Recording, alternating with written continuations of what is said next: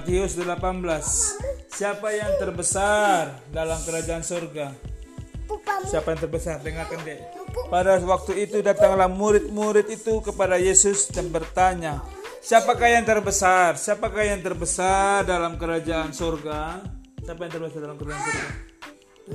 Maka Yesus memanggil seorang anak kecil dan menempatkan di tengah-tengah mereka lalu berkata kepada mereka, Aku berkata kepadamu, sesungguhnya kamu jika kamu tidak bertobat, jika kamu tidak bertobat dan menjadi seperti anak kecil ini, kamu tidak akan masuk ke dalam kerajaan surga. Sedangkan barang siapa merendahkan diri dan menjadi seperti anak kecil ini, dia yang besar dalam kerajaan surga. Dan barang siapa yang menyambut seorang anak seperti ini dalam namaku, ia menyambut aku. Siapa jadi siapa yang terbesar? Seorang anak kecil. Ya, dengarkan lagi nak. Siapa yang menyelesaikan orang?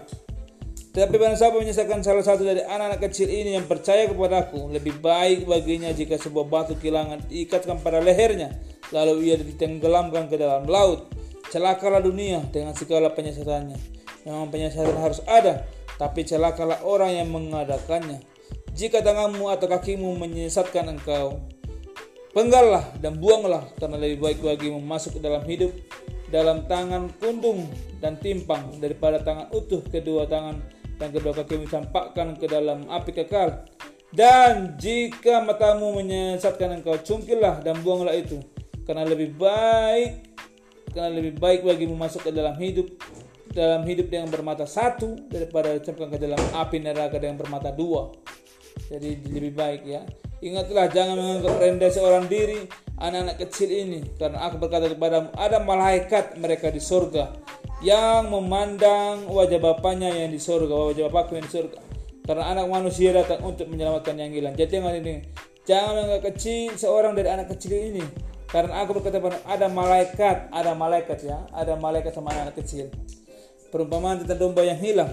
Bagaimana pendapatmu jika seorang mempunyai 100 ekor domba dan seekor di antara sesat? Tidakkah ia meninggalkan yang 99 ekor di pegunungan dan pergi mencari yang sesat itu dan aku berkata kepadamu sesungguhnya jika ia berhasil menemukan lebih besar dan gembiranya atas seekor itu daripada yang 99 ekor yang tidak sesat demikian juga Bapa min surga tidak menghendaki supaya seorang pun dari anak-anaknya ini hilang.